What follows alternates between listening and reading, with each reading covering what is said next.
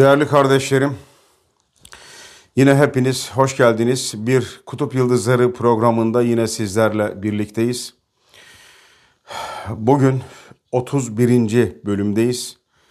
Geçen hafta bildiğiniz gibi Eşref Paşalıları konuşmuştuk. Evet, hizmetimizin kahramanları, yiğitleri, cesur insanları, hizmetimizin renkli insanları, gerçekten e, Eşref Paşalılar sadık insanlardı, vefalı insanlardı ve bu sadakatlerini, bu vefalarını ömür boyu hiç bırakmadılar. Onlar sevdikleri davalarını ve sevdikleri insanı sadece bahar günleri, güneşli günlerde değil, onlar yıldırımlar, indirmeler yaptığında, onlar şimşekler çaktığında, onlar fırtınada, tsunami'de de sevdiği insanların hep yanında oldular. İşte onun için onlar hizmetimizin sadık insanları olarak tarihte yerini aldılar ve alacaklar inşallah. Şimdi değerli kardeşlerim, kronolojik olarak da bu sohbetlerimizi takip etmek istiyoruz bir yönüyle. Çünkü e, pek çok şeyler o zaman e, aydınlanıyor ve e, kafalarımıza, kalplerimize oturuyor. 1973'lü yıllardayız. Zaten Eşref Paşalılar da eğer kayıtlardaki tarihler yanlış değilse bu tarihlerde Hoca Efendi ile hizmetle tanışmışlar. Ama aynı zamanda 1973 yılı bize başka bir şey daha anlatıyor. O da şu. Hoca Efendi o yıllarda biliyorsunuz 1971'de hapishaneden çıktıktan sonra e, Edremit'e tayini çıkıyor ve e, o tarihten itibaren yaklaşık 3 yıldan beri Hoca Efendi Balıkesir'in bir ilçesi olan küçük bir ilçede e, cuma günleri vaazlarını, sohbetlerini sürdürüyor. Ama burası tabii İzmir'e çok uzak. Yani o zaman da e, şehirler arası vasıtalarla çoğu kere Hoca Efendi yolculuk yapmak zorunda kalıyor. Bu da kolay değil tabii. Her hafta oraya gidip gelmek kolay değil. Baya İzmir'e oldukça uzak bir mesafe. E sonra e, Ege'nin en azından her tarafından insanlar oraya geliyorlar. İzmir'e kadar geliyorlar. Oradan tekrar Edremit'e geliyorlar. E, Edremit o kadar dışarıdan gelen insanı istihap edebilecek, e, ağırlayabilecek bir durumda değil. Ama e, Hoca Efendi de baştan ben Edremit'e pek gitmek istemiyordum diyor ya. Evet Hoca Efendi baştan pek gitmek istememiş. Niye? Çünkü İzmir hakikaten büyük bir e, il, büyük bir bölge ve orada e, pek çok arkadaşlar oluşmuş, çevre oluşmuş. Yani hizmetin merkezi durumunda esasında ama tayin oraya çıkınca e, biraz da bulunduğu yerden bir insanın ayrılması gerçekten kolay değildir. Öyle yer değiştirmek basit bir şey değil. Sadece insanlarına değil yani bulunduğunuz yerin yollarına, parklarına, duvarlarına, taşlarına bile alışırsınız e, ve o manzaraları özlersiniz. Onun için kolay değil. Ama e, bunu geçtiğimiz sohbetlerde ifade etmiştik. Özellikle Arif Çağan abimizin, e, hakim, merhum hakim Necmettin Güvenli'nin ve e, Edremit müftüsünün, Sadık Bey'in e, ısrarlı e, talepleri neticesinde Hoca Efendi razı olmuştu.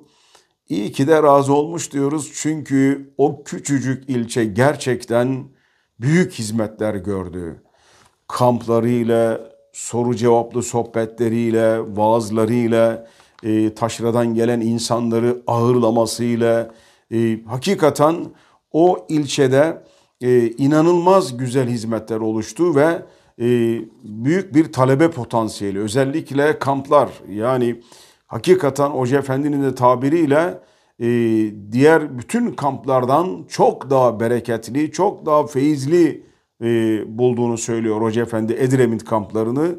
Dolayısıyla hakikaten o 3 yıl içerisinde e, Edremit çok büyük tarihi bir görev gördüğü anlaşılıyor. Hizmetin yolculuğu açısından çok önemli bir görev gördüğü anlaşılıyor. Ancak Hoca Efendi tabii ki e, arzusu İzmir ya da İzmir'e yakın bir yer. İzmir'i istese de zaten oradan sürdükleri için vermeyeceklerini biliyorlar.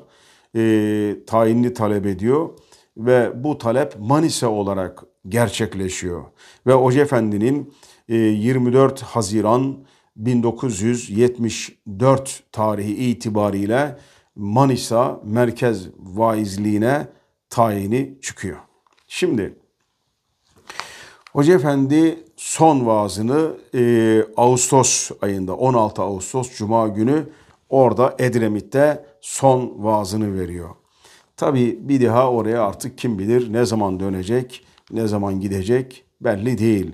Ama orada alıştığı bir topluluk var, bir çevre var, insanlar var. Ve 3 e, yıla yakın orada görev yapmış. Orada insanlara sohbet etmiş. Orada kalbinin ilhamlarını boşaltmış. E, bendeniz de bir arkadaşımızla işte o yıllarda ta Uşak'tan gelerek Hoca Edremit'te o mahkeme camiinde dinleme e, şerefine nail olmuştuk hakikaten ve bizim için benim için hayatımın bir kavşak e, noktasıydı, bir dönüm noktasıydı. Kim bilir nice insanların öyle olmuştur. Bugün hizmetimizde koşturan nice insanlar için o Edremit günleri hakikaten e, muhteşem olmuştur ve onların hayatlarında büyük değişimler, büyük e, dönemleri gerçekleştirmiştir. Şimdi Hoca Efendi bu 16 e, Ağustos'taki son cuma vaazını da verdikten sonra e, oradaki insanlara diyor ki benim tayinim Manisa'ya çıktı. Bu size son vaazım. Acaba ben size karşı vazifemi yaptım mı? Şimdi bu sözler ister istemez değil mi? Hepimize şöyle bir şey tedavi ediyor. Asr-ı saadette Peygamberimiz sallallahu aleyhi ve sellem Efendimiz daha 622'de yani e, 8-10 sene önce kovularak, dövülerek, taşlanarak, saklanarak terk ettiği bir şehre 8 sene sonra 630'da geri geliyor. Ve Peygamberimiz sallallahu aleyhi ve sellem o çıktığı şehri fethediyor. Ama onunla da kalmıyor. Biliyorsunuz bir sene sonra e, veda haccı dediğimiz büyük veda haccı gerçekleşiyor. Ve bu defa zaten o hem Peygamberimiz sallallahu aleyhi ve sellemin hem ilk haccı hem son haccı hem de veda haccıdır. Çünkü hac o zaman farz kılınıyor o yıllarda.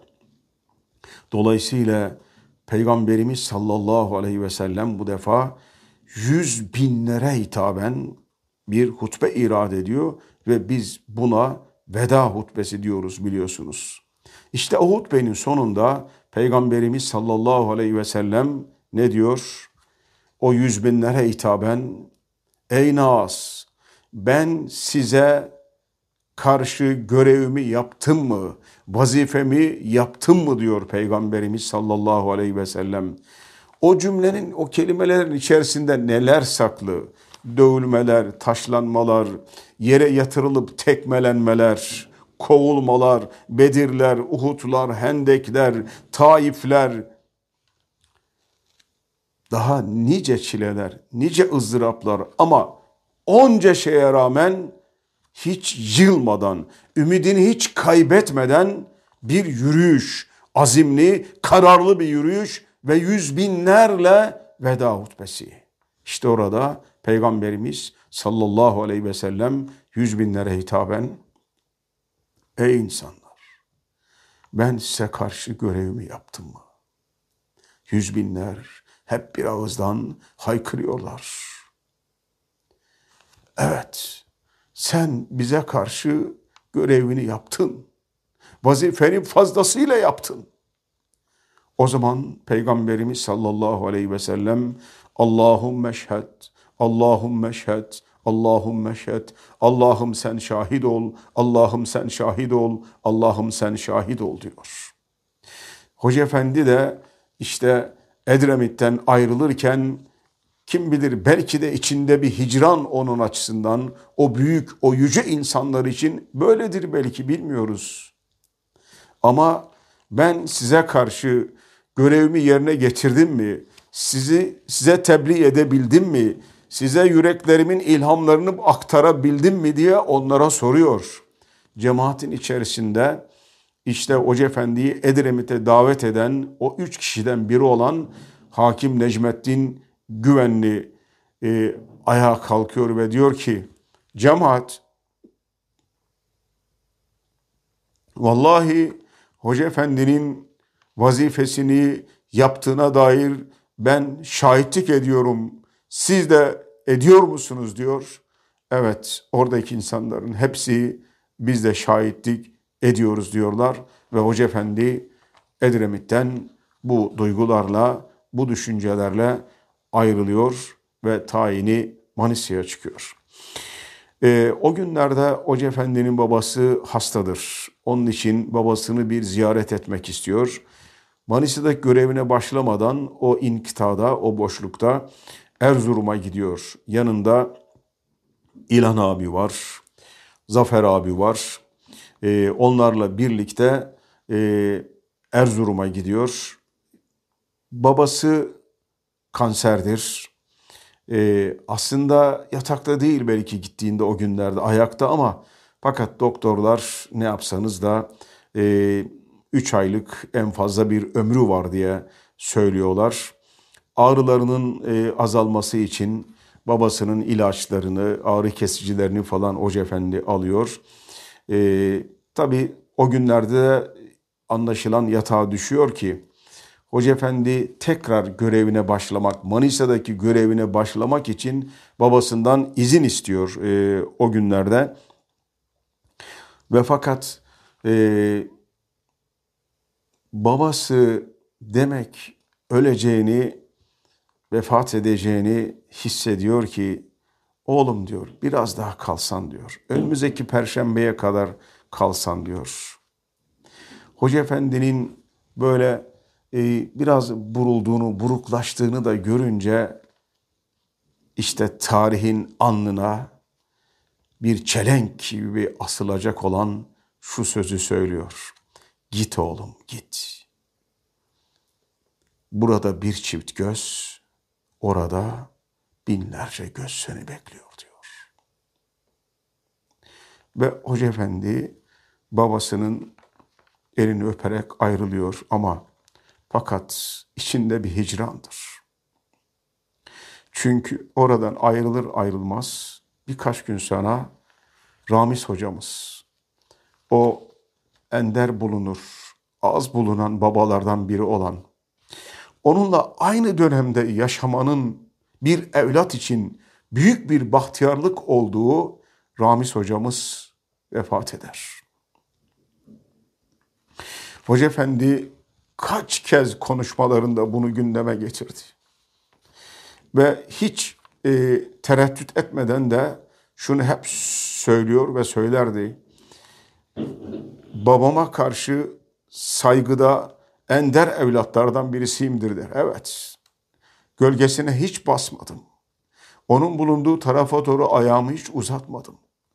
Onu incitecek, onu kıracak hiçbir laf, hiçbir söz söylemedim babasına çok saygılı bir insan. Biliyorsunuz baba da evladına bir o kadar saygılı bir aile yani. Hani sadece Hoca Efendi ve baba arasındaki ilişki değil bu. Bütün aile öyle esasında.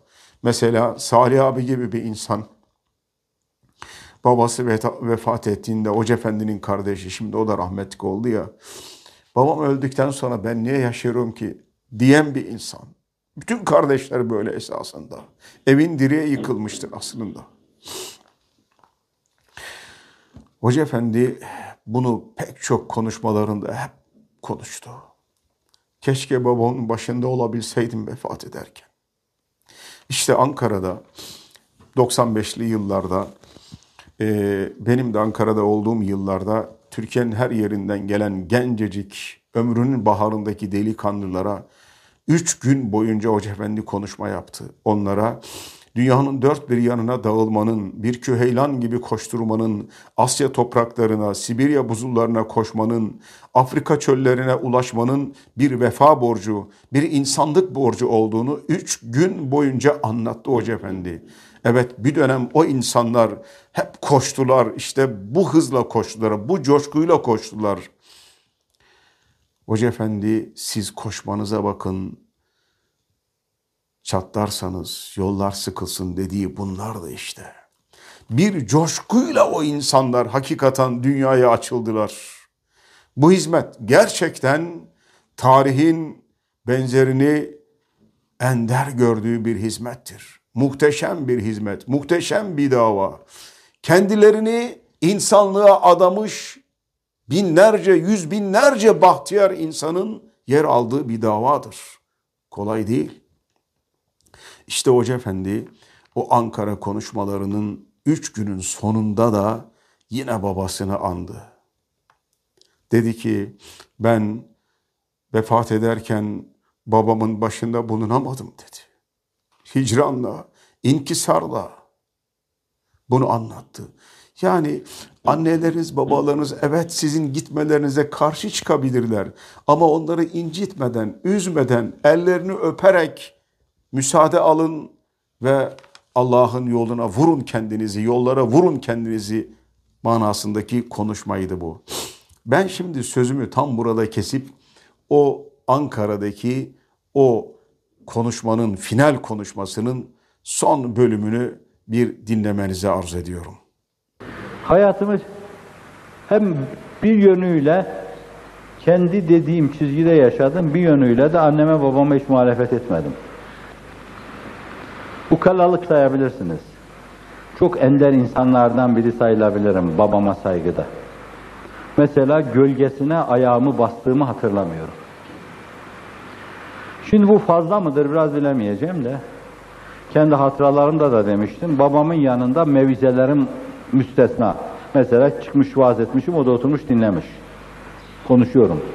Ama bunun dışında konuşma olarak kaç cümle konuşmuşsam sayabilirim bunlar. İsterseniz şimdi bile gözlerimi kapatıp az hafızamı zorlayınca söyleyebilirim kaç kelime konuştuğumu. Bu kadar sınırlıdır.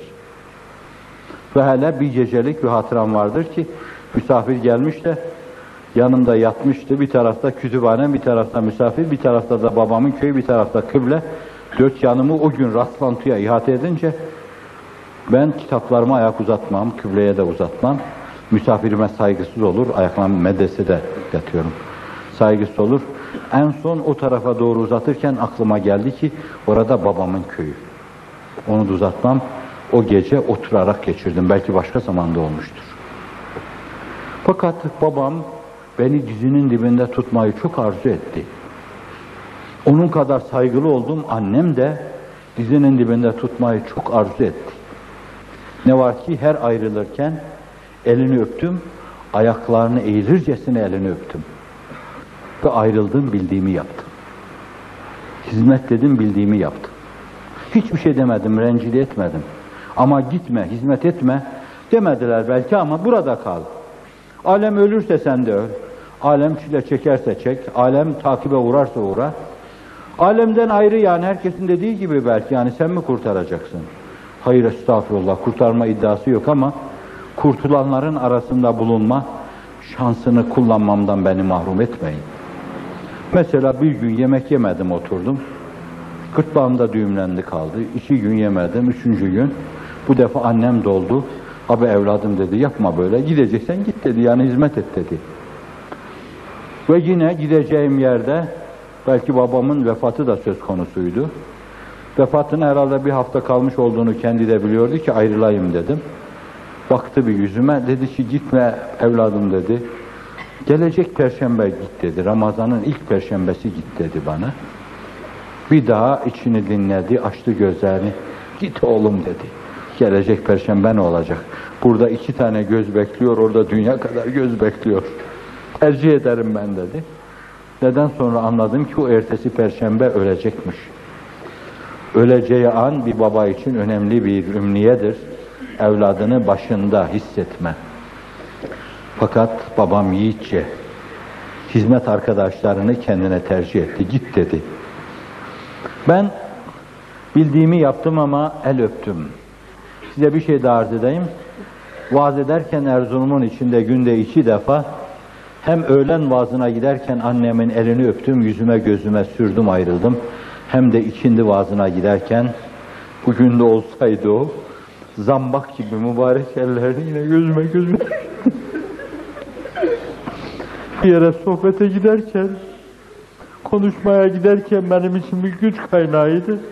Müracaat eder, elini öper, yüzüne bakar, duasını alır. Sadağımı sırtıma takmış, yayımı arkama almış gibi yürürdüm. Şimdi gelirken de mezarının başına gittim. Ana dedim yine gidiyorum ama çok garibim.